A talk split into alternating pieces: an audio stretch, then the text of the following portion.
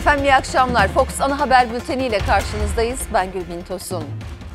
Gündem her zamanki gibi yoğun. Hemen bazı başlıkları paylaşalım. Libya şehidi haberi nedeniyle tutuklanan gazeteciler ilk kez hakim karşısına çıktı. Savunmalarında ne dediler? Kamuyu alımlarda güvenlik soruşturması ve arşiv araştırması düzenlemesi yeniden meclis gündeminde. Ana muhalefet neden tepkili aktaracağız. Ekonomiye dair pek çok başlık var. En önemlilerinden biri esnek çalışma modeli. İşçi sendikalarının itirazları neler? İstanbul hala hortum ve sel felaketinin yaralarını sarmaya çalışıyor. Peki felaketin bilançosu ne? Ve tabii ki koronavirüs. Ne yazık ki dün açıklanan veriler pek iç açıcı değil. Hem virüse yakalananların hem de yaşamını kaybedenlerin sayısı günden güne artıyor. Hepsi ve daha fazlası birazdan ama önce şehidimizin haberi. Hakkari'de sınır bölgesinde bulunan güvenlik güçlerine İran tarafından taciz ateşi açıldı. PKK'lı teröristlerin saldırısı sonucu bir askerimiz şehit oldu, iki askerimiz yaralandı. Şehit piyade sözleşmeli onbaşı Recep Durak Diyarbakır'da son yolculuğuna uğurlandı. Allahu Ekber hamd. Teröristler keşif ve gözetleme yapan askere sınır ötesinden taciz ateşi açtı. Hain saldırıda bir asker şehit oldu, iki asker de yaralandı. Esselamu Aleyküm ve Rahmetullah. Hakkari'nin Yüksekova ilçesi Tuğtepe Karakolu'na PKK'lı teröristler İran tarafından ateş açtı. Saldırıda bir ağır 3 asker yaralandı. Ağır yaralı olarak hastaneye kaldırılan piyade sözleşmeli onbaşı Recep Durak kurtarılamayarak şehit oldu. Şehit Onbaşı Recep Durak, Hakkari'de düzenlenen askeri törenin ardından Diyarbakır'ın Ergan ilçesine uğurlandı. 23 yaşındaki şehit bekardı. Gözekaya köyünde gözyaşları ve dualarla toprağa verildi. Şehit Bismillah. La ilahe illallah. Türk Silahlı Kuvvetleri'nin Irak'ın kuzeyindeki Haftanin'e başlattığı Pençe Kaplan operasyonu ise ikinci haftasına girdi. Komandolar son olarak ağır silah mevzisi olarak kullanılan 150 metrelik bir tünel buldu. Bir sığınakta ise çok sayıda silah, mühimmat ve yaşam malzemesi ele geçirildi. Tünelde sığınakta patlatılarak imha edildi. Şehidimize Allah'tan rahmet yakınlarına başsağlığı diliyoruz. Sayın seyirciler, CHP İstanbul İl Başkanı Canan Kaftancıoğlu'na 2012-2017 yılları arasındaki sosyal medya paylaşımları nedeniyle verilen hapis cezasına itiraz kabul edilmedi. İstinaf Mahkemesi'nin kararı İstanbul seçiminin yıl dönümüne denk gelince muhalefetten intikam alınıyor tepkisi yükseldi. İstanbul'u yeniden halka vermek üzere yola çıkmış bir il başkanını aslında halkı cezalandırma davasıydı ve ceza verildi. İstanbul'u kaybetmenin acısıyla, intikamıyla hareket ediyorlar. Ne İstanbul İl Başkanımız Kaftancıoğlu'na ne de bize bir santim dahi geri adım attırabilirler. 23 Haziran'ın özelliği ne? Mahalli seçimlerde İstanbul'u iktidar partisinin büyük bir rakamla kaybetmiş olması. Tam 23 Haziran. CHP intikam dedi. Saadet Partisi rövanş. CHP İstanbul İl Başkanı Canan Kaftancıoğlu'na yıllar önceki sosyal medya paylaşımları nedeniyle 9 yıl 8 ay 20 gün hapis cezası verilmişti. İstinaf Mahkemesi o cezanın iptali için yapılan başvuruyu reddetti. Karar tam da CHP'nin İstanbul'da yerel seçimi kazandığı 23 Haziran'ın yıl dönümüne denk gelince muhalefetten CHP adına ceza kesildi tepkisi yükseldi. Kaftancıoğlu'nu 31 Mart seçimlerinin başarısı için CHP adına cezalandırırlar. Adliye bir yargı mühendisliği siyaset adına yapmaya devam ediyor. Bir yıl önce bugün biz mevsimi başladı. Bu mevsimde ne çiçeklerin açmasını engelleyebilecekler ne de nefes almamızı. Canan Kaftancıoğlu da kararın ardından bu paylaşımı yaptı. 23 Haziran seçimlerine göndermede bulundu. 5 ayrı suçtan verilen 9 yıl 8 ay 20 günlük hapis cezasının gerekçesi ise 2012-2017 yılları arasında sosyal medyadan paylaştığı mesajlar. İstinaf Mahkemesi hapis kararında hukuka aykırılık yok dedi. Bu çok açıkça yargı sopasıyla siyaset dizayn etmektir. Devlet kinle intikamla yönetilmez. Devletin dini adalettir. Sayın Kaftancıoğlu'nun hakkındaki haksız cezalar istinafta onandı, Yargıtay'a gidecek. CHP son söz için Yargıtay'a başvurmaya hazırlanırken Gelecek Partisi Genel Başkanı Ahmet Davutoğlu da Saadet Partisi Genel Başkanı Temel Karamollaoğlu da eski mesajların iktidar partisini de zor durumda bırakabileceğini söyledi.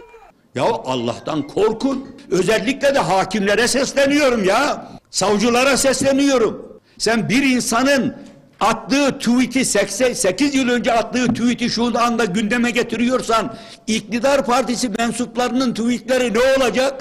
Onlar masum. Niye? Zemzem suyuyla yıkanmışlar. Eğer 7 yıl önceki tweetler açılacaksa, öncelikle iktidar kadrosu e, tarafı iktidar ve bu e, talimatları verenler kendilerine yakın gazetecilerin, siyasilerin 7 yıl önce attıkları FETÖ'yü öven tweetlere baksınlar. 7-8 yıl önce atılan tweetleri eğer siz cezai müeyyide için kullanmaya kalkar, bu tweetlerle Fethullah Gülen arasında irtibat kurmaya teşebbüs ederseniz şu anda iktidar partisinin ne milletvekilleri ne il başkanlarının arasında ceza almayacak bir kişi kalmaz.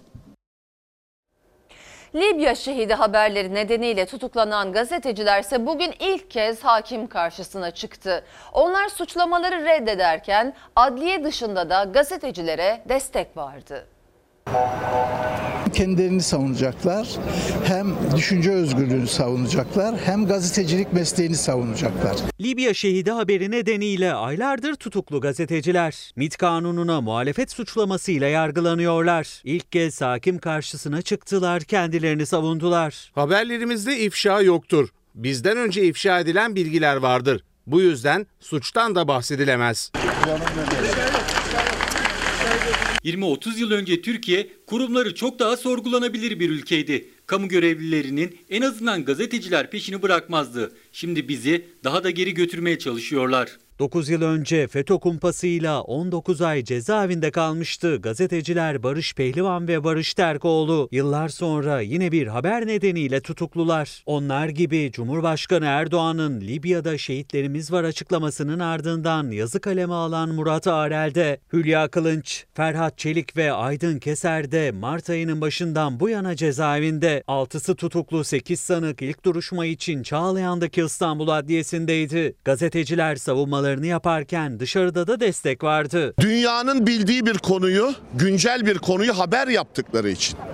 Haber yapmak suç mu? Gazetecilik suç mu?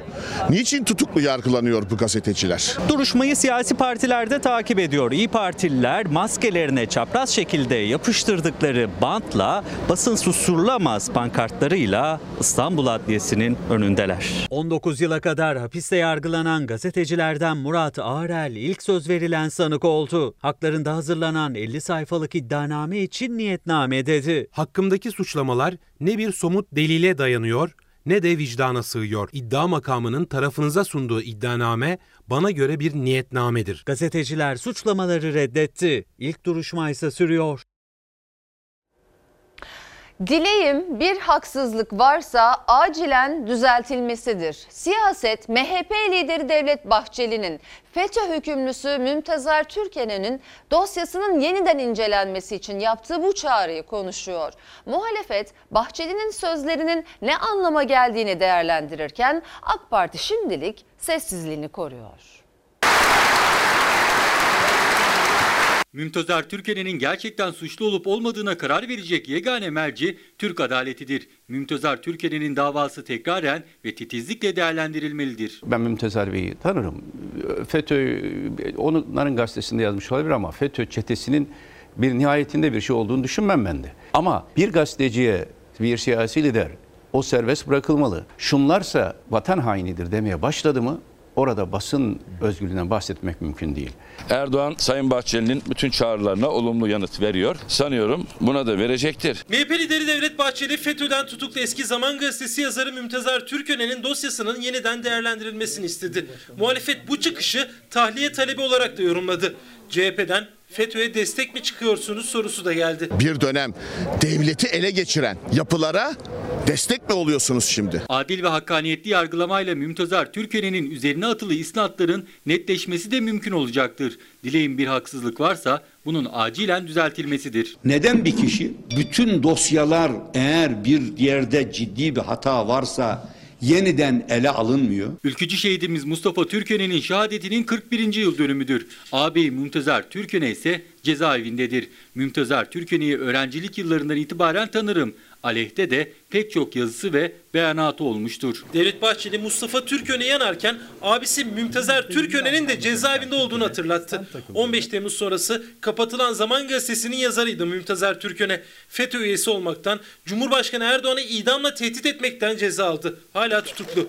Ancak Bahçeli dosyası yeniden incelensin dedi. Bir kişinin Nasıl olmuş da Sayın Bahçeli'nin zihnine bu iş düşmüş? Eğer yeniden muhakeme gerekiyorsa bu talepte bulunan herkesin yeniden muhakeme edilmesine ama adil bir mahkeme tarafından muhakeme edilmesinde fayda vardır. Osman Kavala'nın, Altan kardeşlerin, Nazlı Ilıcan ve daha pek çok sorumlu kişinin masum gösterilmeye çalışıldığı bir yerde şehit abi Mümtazar Türkören'in davası tekraren ve titizlikle değerlendirilmelidir. Trump için Bronson'u, Macron için Laprov'u, Merkel için Deniz Yücel'i verdikten sonra Sayın Bahçeli'nin bir ricasını kırması da zaten Erdoğan bakımından çok yakışık alan bir durum olmaz. CHP lideri Devlet Bahçeli'nin Teşekkür ediyorum. Teşekkür ediyorum. Yani bizim konumuz bununla ilgiliydi. Sağ olun. Bahçeli'nin FETÖ hükümlüsü Mümtezer Türköne çıkışıyla ilgili Cumhur İttifakı ortağı AK Parti'den açıklama gelmedi. Anayasa Mahkemesi HDP eski eş genel başkanı Selahattin Demirtaş'ın tutukluluk süresiyle ilgili hak ihlali kararı verdi. Avukatları da Demirtaş'ın tahliyesi için başvuru yaptı. HDP ve CHP Demirtaş'ın tahliye edilmesi gerektiğini söylemişti. Bugün de eski başbakan Gelecek Partisi Genel Başkanı Ahmet Davutoğlu Demirtaş'ın tutukluluğu ile ilgili konuştu tahliye kararı alınıyor. Başka bir suçtan tekrar içeri alınıyor. O suç var idiyse daha önce niye bu devreye sokulmadı? Daha önce niye soruşturması yapılmadı? 7 Haziran sonrası 3 Kasım seçimlerine giden süreçte ve sonrasında HDP ve Demirtaş'la ilgili en sert ifadeleri kullanan Ahmet Davutoğlu bu kez Selahattin Demirtaş'ın tahliyesiyle ilgili ılımlı cümleler kurdu hukuk vurgusuyla. Bu kararı tekrar tekrar tartışıp ve kendisini mahkeme yerine koyarak kim olursa olsun bu muhatabı mutlaka hapse kal, hapiste kalmalı, bırakılmamalı gibi bir uslup benimsenirse yarın aynı tutum bunu söyleyenler için de geçerli hale gelir. Hepimiz için geçerli hale gelebilir. Selahattin Demirtaş 3,5 yıldır cezaevinde. Bugüne kadar 4 kez tahliye yol açıldı ama cezaevinden çıkamadı. Son olarak Anayasa Mahkemesi Demirtaş'ın tutukluluk süresinin azami süreyi aştığını, tutukluluk kararının gerekçeli olmadığını tespit ederek hak ihlali kararı verdi. Avukatları da tahliye için yeni başvuru yaptı. Demirtaş'ın tahliye edilmemesi garip bir durumdur. Bir gün önce CHP lideri Kılıçdaroğlu da tahliye edilmesi gerektiğini söylemişti. Eski Başbakan, Gelecek Partisi lideri Ahmet Davutoğlu da Demirtaş'ın tahliyesiyle ilgili soruyu İsmail Küçükkaya ile Fox Çalar Saat programında yanıtladı. Hukukun bütün baskılardan arındırılması lazım. Bu bugün Demirtaş için olur, yarın başka bir siyasi. Şu makbul siyasetçi, bu makbul siyasetçi değil gibi bir ayrıma girdiniz mi toplumu bölersiniz. Çözüm sürecinin de bittiği dönemde Demirtaş HDP eş genel başkanı Ahmet Davutoğlu başbakandı. 52 kişinin hayatını kaybettiği 6-7 Ekim olayları sırasında da Davutoğlu o olayların sorumlusu olarak Demirtaş'ı göstermişti. Bugünse tahliyesiyle ilgili hukuk vurgusu dikkat çekti. Burada Anayasa Mahkemesi bir karar veriyor. Yürütme erkinin başındaki kim olursa olsun hukuka talimat vermeye başladı mı hukukun bağımsızlığı söz konusu olmaz.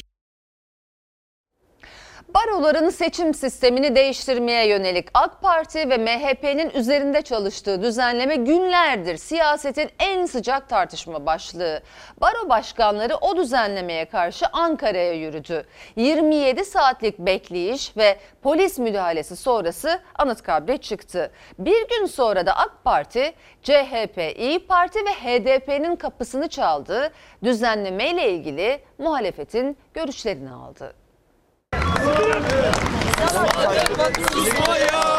2010 referandumuyla boynuna urgan geçirdiğiniz yargı bağımsızlığını bugün baroları da bölerek infaz etmeye kalkışıyorsunuz. Çoklu baro sisteminin anayasaya aykırı olduğu, anayasanın ihlali olduğuna ilişkin düşünceler ve mülahazalar asla ve kata doğru değildir. Mecliste tartışan taraflar yani iktidar ve muhalefet aynı dakikalarda kapalı kapılar ardında barolarla ilgili düzenleme için bir araya geldi.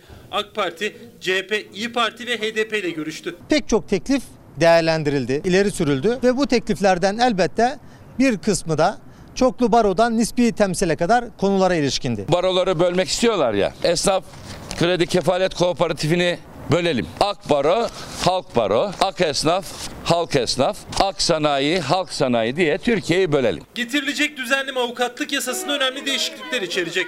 Baroların seçim sistemini de değiştirmek istiyor iktidar. Ankara, İstanbul ve İzmir barolarının çoklu baro sistemi gündemde. Farklı barolar, farklı türküler söylemeye başlayacaklarsa yandaş baro, karşıt baro gibi durumlar ortaya çıkacaksa ısrarla üzerinde durduğumuz kutuplaşma burada da meydana gelebilir. Anadolu illerimizin İstanbul, Ankara, İzmir haricinde hiçbirisinde şu an çoklu baro öngörmüyoruz. Şu ideolojiye görüş sahibi olan, e, yakın olanlar şu baroda, bu ideolojiye yakın olanlar şu baroda, şu siyasi görüşte olanlar şu baroda gibi, hatta bazen etnik ve mezhebi, avukatları bölmenin hiçbir anlaşılır tarafı yok. Meclis dışındaki partiler de çoklu baro düzenlemesine karşı. İktidar meclis içindeki muhalefetle günler sonra baroların seçim sisteminde yapılacak düzenleme için temastaydı.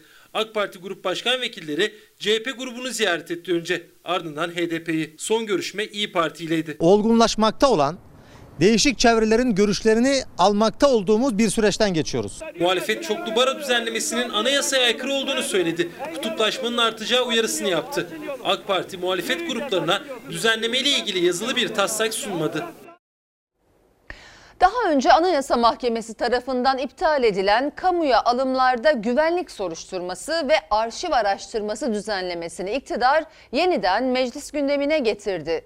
Düzenlemenin komisyondaki görüşmeleri sürerken CHP bu fişleme diyerek tepki gösterdi.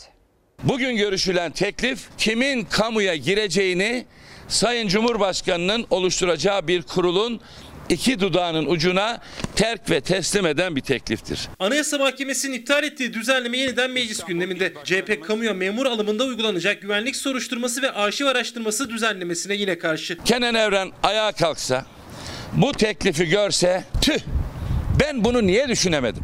Bu benim aklıma nasıl gelmedi?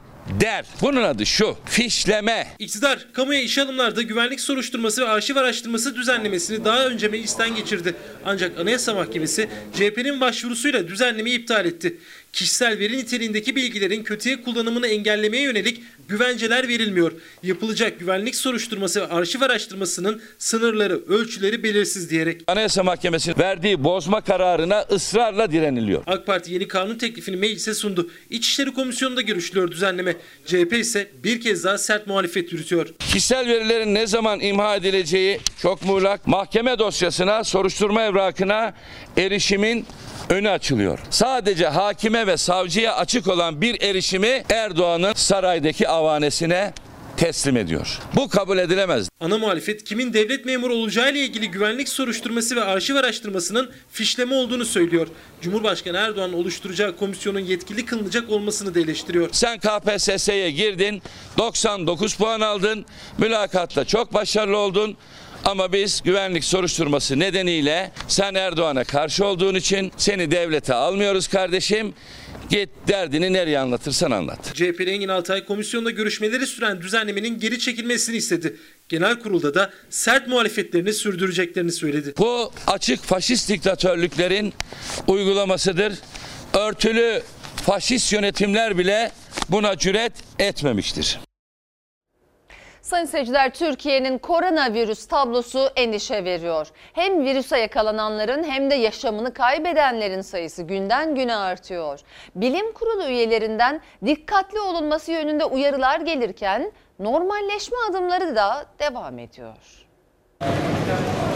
Biz de virüsün aslında hasta edici özelliğinin biraz azaldığını gözlemliyoruz ama son zamanlarda yoğun bakıma yatan ve entübe olan hasta sayılarımızda bir miktar artış oldu. Yoğun bakımdaki hastaların sayısı 900'e dayandı. Üstelik günlük vaka sayısında da yaşamını yitirenlerin sayısında da önceki güne göre artış var. 24 saate 27 kişi daha hayatını kaybetti. Bilim Kurulu kuralların her zamankinden çok uyulması yönünde uyarıyor. Kontrollü sosyal hayatı artık bizim kendi yeni normalimiz olarak kabul etmemiz gerekiyor.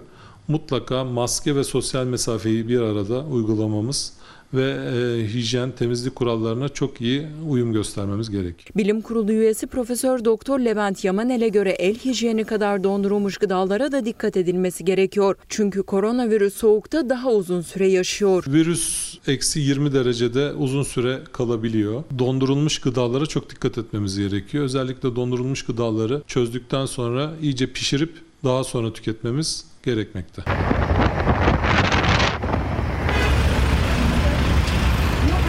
Sosyal mesafe ve maske denetimleri de sürüyor. İstanbul Kağıthane'de polis ekipleri tıka basa dolu minibüsü dur ihtarına uymayınca uzun süre kovaladı. Aracın içinde olması gerekenden 14 fazla yolcu vardı. Minibüs şoförüne 1392 lira ceza kesildi. Takacaksın.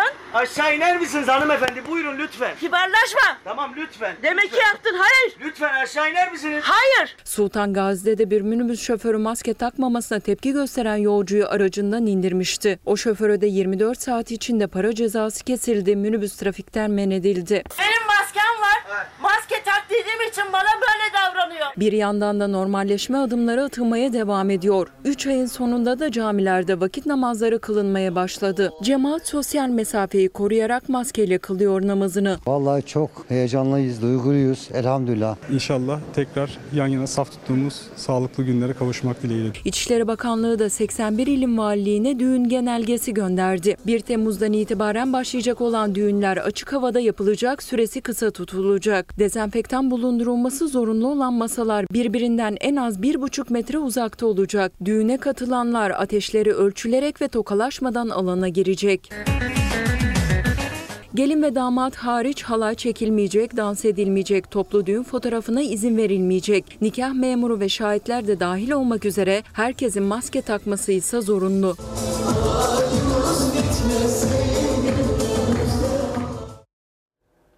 İstanbul'u etkisi altına alan kuvvetli yağış dün en çok Esenyurt ilçesini vurdu. Bir can kaybı yaşandı. Daha büyük bir facia yaşanmaması ise mucizelerin ve mahallelinin çabalarının eseriydi. Gidiyor kadın gidiyor anne. Ay gitti gitti. Ay gitti. Var mı kimse? İçeride içeride. Bir hortum geldi. Ee, beni hayata bağlayan o hortum oldu. İşte bu eli görüp seferber oldu mahalleli. İstanbul'u vuran sel de Esenyurt hem facianın merkezi oldu hem de mucizelerin adresi. Bodrum kattan uzanan el çaresizliğin fotoğrafıydı ilk anlarda ama dakikalar içerisinde başarı hikayesine dönüştü. Mahallelinin o elin sahibine hortum uzattığı ve boğulmak üzere olan Murat Coşkun'un o sayede hayatta kaldığı ortaya çıktı. Bir anda içeriye su doldu. Kapıyı açmaya çalıştım, kendimi kurtarmaya çalıştım ama maalesef kapının kolu kırıldı, elimde kaldı. Kombinin üzerine basarak kendimi yükselttim. Şu parmaklıklara kendimi bağladım şöyle kolumla beraber. Su beni geriye atmasın diye. Çünkü geriye gidersem boğulacağımı biliyorum. Ağzına hortum attık. Hortumu kestik, hortumu verdik. Hortumdan nefes alıyordu.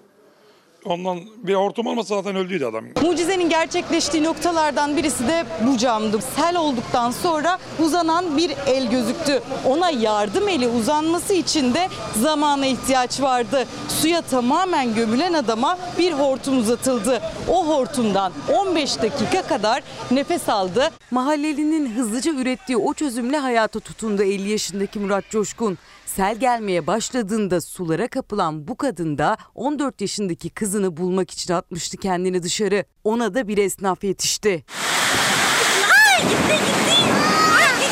Sürükten de ileride bir araba duruyordu. Arabaya çarptı. Koştuk 2-3 kişi ancak kadını çıkarabildik. Ve anneleriyle beraber kurtarılan Suriyeli 3 küçük kardeş. İşte o mucizenin gerçekleştiği noktalardan birisi de Esenyurt'taki bu ev. Bu ev tamamen suların altına gömülmüştü. Bodrum katından 3 çocuk ve annesi mucize eseri kurtarıldı. 3 çocuğun tedavisi hastanede devam ediyor. Anneleri ise evlerinde çalışmalarını sürdürüyor. Su bu çayırı bile doldurdu. Bu bina içinde kaldı. Bir çocuk bir bayan içinde esir kalmıştı, mahsur kalmıştı. Kurtarmaya çalıştık. Biz içine girdik, parmaklığı kırdık. Parmaklıktan bu çocukları, bayanları çıkarttık. Tüm çabalara rağmen 30 yaşlarında bir Suriyeli hayatını kaybetti. Taşan dere ile su altında kalan Pınar Mahallesi o mahalledeki cesur gençlerin yardımıyla çok daha büyük bir felaketin eşiğinden döndü. Pınar Mahallesi 1272. sokak felaketin en yoğun yaşandığı sokak tahliye çalışmaları devam ediyor. Evlerde zarar gören eşyalar da dışarı taşınıyor. Burada oturanların zararları oldukça büyük. Yok. İstanbul Esenyurt'ta selin bu kadar etkili olmasının nedeni taşan bir dereydi. Çarpık kentleşme gerçeği bir kez daha kendini gösterdi. Bu ne ya bu ne ya bu ne? Yollar dere gibi yollar. Bak bak. Yukarıya bak. Bu dere e, üçüncü seferdir taşıyor. Burası normalde dere koruma alanıydı. Buraya imar e, izni verilmemesi lazımdı. İzin verilmemesi gerekiyordu ama yine derenin hemen yanında yükseldi binalar. İstanbul Esenyurt'ta taşan Kıraç Deresi bir mahalleyi suya gömdü. İstanbul Valisi Ali Yerlikaya harekete geçtiklerini açıkladı. Onlarca bina için konut olarak kullanılmasına izin vermeyeceğiz dedi. Oysa bu sel zaten ilk değildi. Aynı sokakta geçmişte de buna benzer su baskınları olduğunu söyleyen buradaki komşularımız, hemşehrilerimizle konuştuk. Eğimi görüyorsunuz. Konut olarak kullanılmasına müsaade etmeyeceğiz. Duvarları yerinden koparmış ya. Ya su basınç yapmış. Suyun önünde kimse bir şey yapamaz. Sert bir kavis olduğu için su böyle dönemiyor ya. Direkt ne yapıyor? Duvara çarpıp üstten taşıma yapıp o yüzden böyle bir görüntü ortaya çıktı. Dere taştı. Dereye bakın. Sel her taraf komple kapladı. Birinci kat komple girdi içeriye. Sular.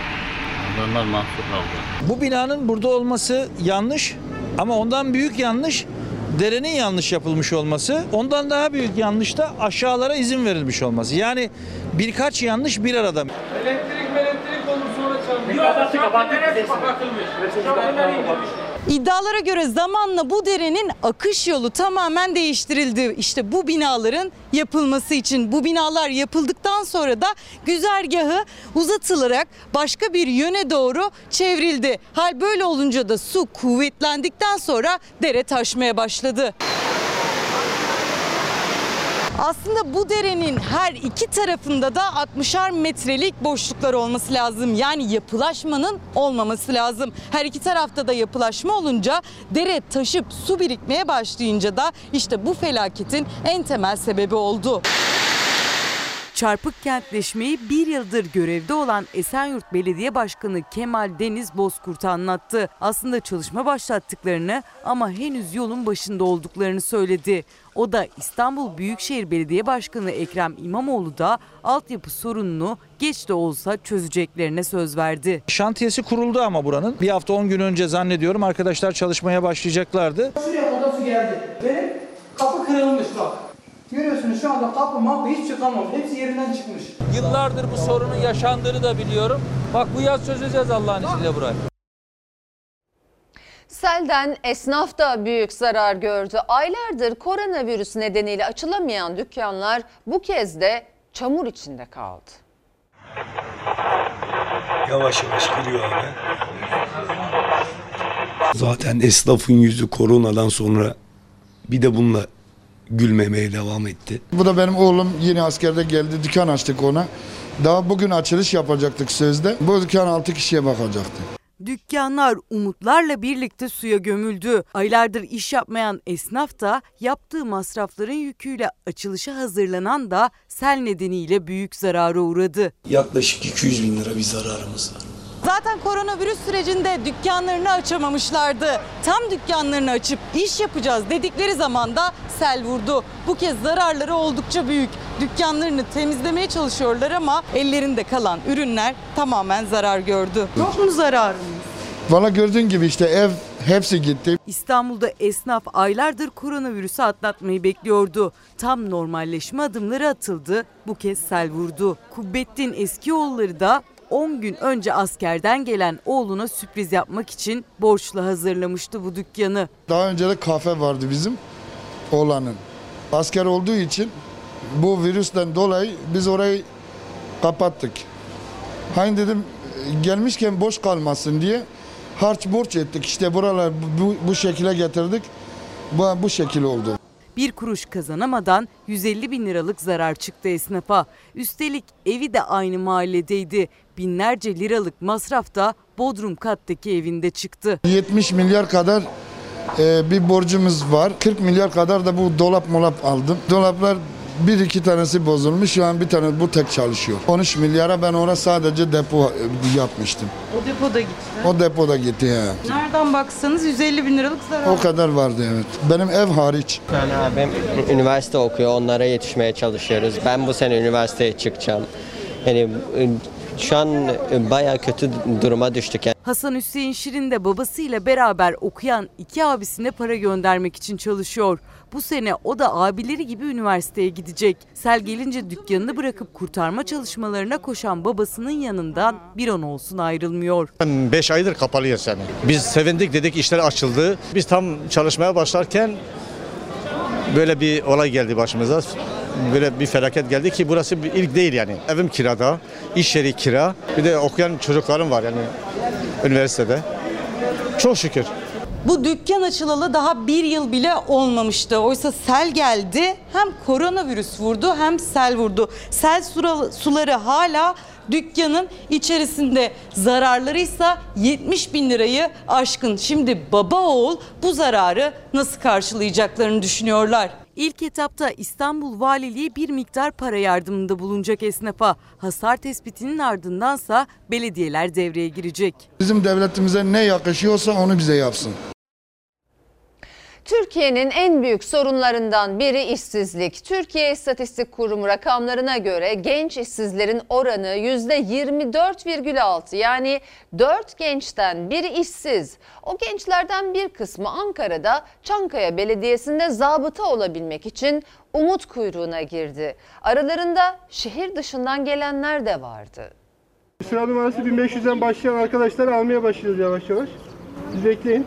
Uzun yıllardır işsizim, profesyonel işsizim artık. Yüzümü gülümsetiyor neden? Çünkü ironi gibi geliyor. 26 yaşında üniversite mezunu. Üniversiteden mezun olduğundan beri de işsiz. Trabzon'dan Ankara'ya zabıta olma umuduyla geldi. Mezun oldum 2015 yılında. 5 yıl işsizliğim. Umudumuz yok ama ailemizin yüzüne bakabilmek için buralara kadar gelebiliyoruz. Trabzon'dan kalkıp bir umuttur. Türkiye İstatistik Kurumu'nun verilerine göre genç işsizlik oranı %24,6. Yani resmi rakamlara göre her 4 gençten biri işsiz.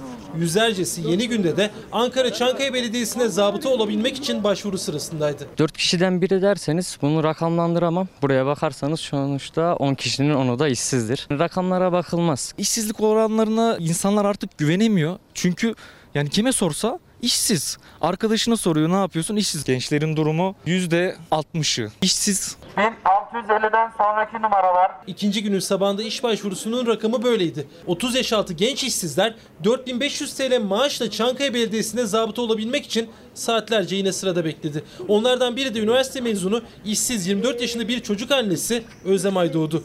Hem çocuğuna hem de engelli eşine bakmak için zabıta olmak istiyor. Eşim trafik kazası geçirdi. Eşim çalışamıyor. Ben çalışamıyorum. Çocuğumuz var. Devlete bağımlı olarak yaşamaya çalışıyoruz. Yardımlarla geçinmeye çalışıyoruz. Zor bir süreç yani. En azından bir başvuralım, şansımı deneyeyim. Boş gezerek olmuyor. Kiranız var, işte giderleriniz var. Hayallerimiz var. Tabii ki buradaki herkesin hayalleri vardır. Ama yani kaç kişi gerçekleştirebilecek? Daha ikinci günündeyiz. 2000 kişi. Bu belki 5000 de olabilir, 10 bin de olabilir. Rakamlara yansıyan genç işsizliğin belki de en net fotoğrafı bu başvuru sırası. Saatler süren bekleyiş sadece tek bir şey için. Belediyenin alacağı 80 zabıta memurundan biri olmak için. Genciz, dinamiyiz. Herkes içinde bir umut besliyor. Burada iş verdiğiniz takdirde çalışmayacak insan da görmüyorum. Turizm otelcilik mezunuyum. Hacettepe'yi bitirdim. Şu an düşündüğümle çal- olduğum yer arasında bayağı bir fark var. Sözlü ve uygulamalı sınavda sadece 80 kişi işe alacak Çankaya Belediyesi. Başvuru yapan binlerce gencin hayali ise bir başka iş duyurusuna kalacak. Gelecek hayali kuramıyoruz. Hayallerimiz yarım kalıyor. Bu durum benim için çok zor tabii ki. E, belli bir yaşa geldikten sonra aileden para isteme olayı sıkıntılı oluyor. Sayın seyirciler, sendikaların karşı çıktığı kıdem, kıdem tazminatı fonu kadar sıcak bir başlıkta esnek çalışma modeli. Üzerinde çalışılan sisteme göre 25 yaş altı ve 50 yaş üstü belirli sürelerle istihdam edilebilecek. Ancak DISK bu modelin uygulanması durumunda güvencesiz çalışma alanının genişleyeceği görüşünde. Türk ise kıdem tazminatını gündemden düşürmemekte kararlı. Çeşitli çalışmalarımız yürüyor. Ee, yeni vereceğimiz tekliflerimiz de var. Belirli süreli iş sözleşmesinde kıdem tazminatı yoktur, ihbar tazminatı hakkı yoktur, iş güvencesi yoktur. İktidarın yeni tekliflerinden biri olacak esnek çalışma modeli ancak diz kırmızı çizgimiz diyerek kıdem tazminatının fona devredilmesine karşı olduğu gibi üzerinde çalışılan bu modele de mesafeli. Çünkü istihdam kalkanı paketi adı altında 25 yaş altına ve 50 yaş üstüne esnek çalışma düzenlemesi meclisten geçerse diske göre güvencesiz çalışma alanı genişleyecek. İstihdamla alakalı çalışmalarımız tamamlandığı zaman da onu da sizlerle paylaşırız. Şu an itibariyle tamamlanmış ve meclis başkanına sunacak aşamada değiliz. Geçici iş sözleşmesiyle çalıştırılmanın objektif koşulları ortadan kaldırılarak 25 yaş altı ve 50 yaş üstü çalışanlar belirli süreli iş sözleşmesiyle tümüyle güvencesiz, tümüyle hiçbir hakkı olmadan çalıştırılmak isteniyor. Meclise sunulmak üzere üstünde çalışılan düzenlemeye göre ayda 10 günden az çalışan 25 yaş altına sigorta yaptırma zorunluluğu ortadan kalkacak. Bu adım istihdamı artırmak için atılmak istense de gençlerin çalıştıkları yıllar emekliliklerine bile yansımayacak. Güvencesiz çalışacaklar. 25 yaş altı işsizlikle boğuşan, iş bulma ümidini bile kaybetmiş olan, geleceği karartılmış olan gençlerimiz ve 50 yaş üstü çalışanlar bu şekilde çalıştırılmak isteniyor. Bu son derece tehlikeli bir düzenleme. 50 yaş üstü de düzenlemeye dahil. Kısmi zamanlı çalıştıran işverene destek verileceği için patronların belirli süreli iş sözleşmesini daha çok tercih etmesi bekleniyor. Bu da özellikle emeklilikte yaşa takılanları etkileyecek. Çünkü ne emekli olup maaş alabilecekler ne de iş güvenceleri olacak. Belirli süreli iş sözleşmesinin sonunda işçinin kıdem tazminatı yoktur. İşe iade davası açamaz. Yani kazanılmış bütün hakların ortadan kaldırıldığı istisnai bir çalıştırma biçimi. Tamamlayıcı emeklilik sistemi adı altında kıdem tazminatının fona devredilmek istenmesi hala gündemdeki sıcak yerini koruyor. Türk İş kıdem tazminatıma dokunma diye binasına dev pankart asmıştı. Bu kez bir de video hazırladı. Biz yaşamak istiyoruz, yaşamak. Bizi görmemezlikten gelmeyin. Bizi küçümsemeyin. Bizi yok saymayın. Fon diyorlar. Geçmişte fonların akıbetini biliyoruz. Fon lafını ülke gündeminden çıkartın. Türk İş Başkanı Ergün Atalay'ın daha önceki sözleriyle hazırlandı video. En çok üyeye sahip işçi sendikasından bir kez daha kıdem bizim son kalemizdir mesajı geldi. Her sene kıdemi ülke gündemine getirmeyin. Huzurumuzu bozmayın. Buradan ülkeyi idare edenlere sesleniyorum. Kıdem bizim son kademimiz. Melih Gökçek döneminde Avrupa'nın en büyük tema parkı olacağı beklentisiyle yapılan Cumhurbaşkanı Erdoğan'ın geçen yıl açtığı Anka Park, işletmeci firma elektrik borcunu ödemediği için kapanmıştı. Mansur Yavaş'ın 750 milyon dolar harcandı dediği Anka Park'ın bugünkü hali ise içler acısı.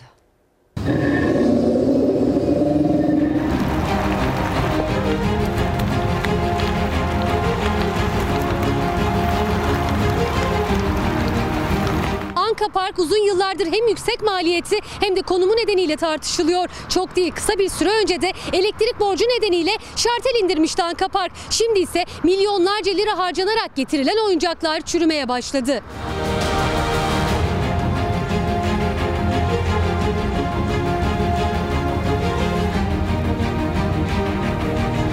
...2019 Mart ayında Cumhurbaşkanı Erdoğan'ın törenle açtığı Anka Park'ın 15 ay sonraki hali... ...hurdaya dönmüş milyonluk dinozorlar, otorobotlar, oyuncaklar, elektrikli araçlar... ...çökmüş tavanlar, çatlamış duvarlar. Belediye maliyeti 700-750 milyon dolar arası. 50 milyon dolar az para değil ama kur farkından oynuyor ve orası batıyor. Melih Gökçek döneminde yapıldı Anka Park. Atatürk Orman Çiftliği arazisine yapılması ve harcanan para miktarıyla da çok tartışıldı. Ankara Büyükşehir Belediye Başkanı Mansur Yavaş, Anka Park'a harcanan parayı 750 milyon dolar olarak açıkladı. Bugünkü kurla 5 milyar 130 milyon lira. Havaların biraz daha ısınmasıyla beraber Anka Park'ın da dolup taşacağına inanıyorum. 20 Mart 2019 tarihinde bu sözlerle açılan özel bir şirketin işletmesini devraldığı Anka Park aylar sonra kapandı. Çünkü şirket 2,5 milyon liralık elektrik borcunu ödeyemediği için tema parkın elektrikleri kesildi. Yüzlerce kişi de işsiz kaldı. En fazla hangi konuda önerge verildi? Altyapı. Demek ki epey yapmadığınız altyapı varmış. Mansur Yavaş altyapı harcamaları için asbestli boruların değişmesi için borçlanma yetkisi vermeyen AK Parti ve MHP gruplarına daha birkaç ay önce Anka Park'a harcanan parayı hatırlatmıştı. Ankara'da acil yapılması gereken su ve kanal altyapı projeleri acil diyor. Yani normal değil. Daha önceki yıllarda helikopterler, dinozorlar Anka Park'a yatırılan para nedeniyle bunlar yapılmamış. Burada büyük afetler olur, sel olur, insanlar ölür. Geçtiğimiz hafta Selim vurduğu Ankara'da Anka Park'ın son görüntüsü. Aylardır kapısına kilit vurulan park için Büyükşehir Belediyesi işletme yükümlülüklerini yerine getirmiyor başvurusu yaptı. Mahkemede bilirkişi heyeti gönderdi ve tespit çalışması yapılırken Büyükşehir Belediyesi bu görüntüleri kaydetti. Gökçek döneminde 750 milyon dolar harcanan Anka Park açıldıktan 15 ay sonra bu halde binalar, oyun parkları yıkılmış, milyon dolarlar harcanan oyuncaklar parçalanmış, kullanılamaz halde. 7,5 büyüklüğündeki deprem Meksika'yı korkuttu. 30 saniye süren depremde 6 kişi hayatını kaybetti.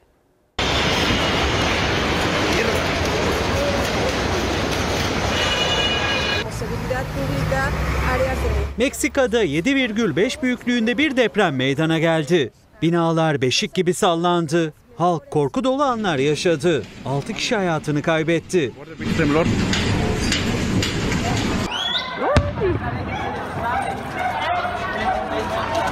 Meksika'nın Oaxaca şehrinde sabah saat 10.30 sularıydı. Yer birden sallanmaya başladı. Sarsıntı kısa sürede şiddetlendi. Binalar, otomobiller sağa sola savruldu.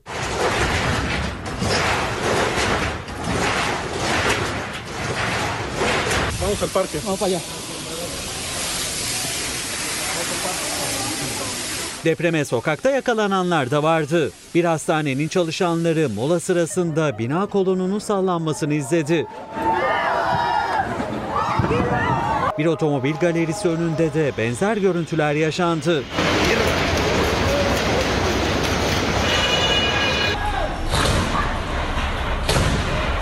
...30 saniye süren depremin ardından binlerce kişi korku ve panik içinde evlerinden dışarı fırladı. Sokak ve parklarda saatlerce bekledi.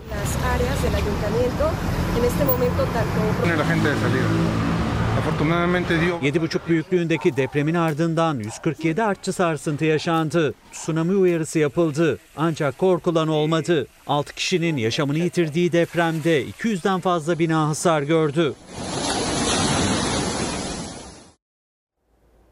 Türkiye Büyük Millet Meclisi istedi. Adli Tıp Kurumu ölümle sonuçlanan 34 obezite ameliyatına ilişkin rapor gönderdi. O ameliyatların %77'sinin doktor hatası nedeniyle acı sonla bittiği ortaya çıktı.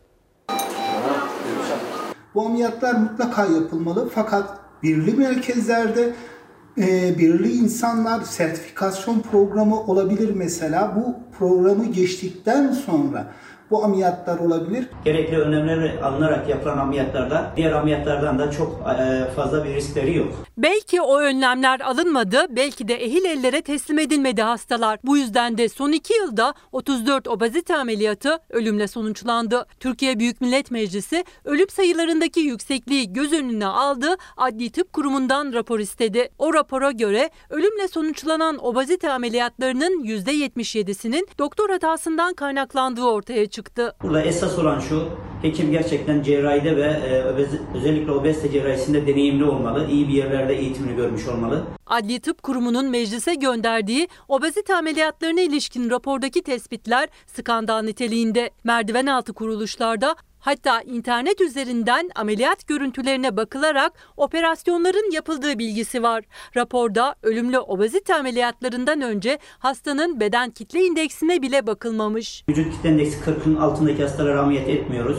Ancak diyabet cerrahisi yapıyorsak, şeker ve yandaş hastalıklar için ameliyat yapıyorsak vücut kitle indeksi 40'ın altında 35'lere kadar ameliyatları yapıyoruz. Bu hastalar etraflı bir, bir incelemeden geçmeden zaten ameliyata alınmıyor. Türk Obezite Cerrahisi Derneği'nin doktorları hem ameliyatlardan önce hem de ameliyatlardan sonra hastanın takibinin sıkı yapılması gerektiğini söylüyor. Sağlık sorunları nedeniyle bu ameliyatları geçirmek zorunda olan obezler var ancak çok dikkatli olunması gerekiyor. Çünkü diğer operasyonlardan daha zor obezite cerrahisi. O yüzden deneyimli ellerin araştırılması şart. Obez hastalarla uğraşmak normal hastalardan biraz daha zor fazla kilolu oldukları için.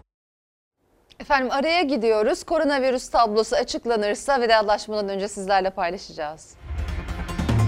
Efendim yeniden merhaba. Sağlık Bakanı Fahrettin Koca bilim kurulu toplantısı sonrası açıklama yapıyor. Açıklaması hala şu anda devam ediyor. Ee, birkaç flash e, açıklamasını sizlere aktarayım hemen. Şunu diyor sokağa çıkma kısıtlamasının önemi neyse kalktığı için onun önemi neyse bugün aynı önemi maske ve mesafe taşıyor diyor. Maske kullanmak bu havalarda kolay değil ama lütfen sıcaklara yenilmeyelim ve virüsün yayılma hızında yaz aylarında azalma olmamıştır diye uyarıyor Sağlık Bakanı efendim. Tablo henüz yayınlanmadı. Biz böylece Fox Ana Haber Bülteni'ni burada noktalıyoruz. Fox'ta yayın Badem Şekeri 2 isimli Türk sineması ile devam edecek. İyi bir akşam geçirmenizi diliyoruz. Hoşçakalın. Feda bir tek dostuma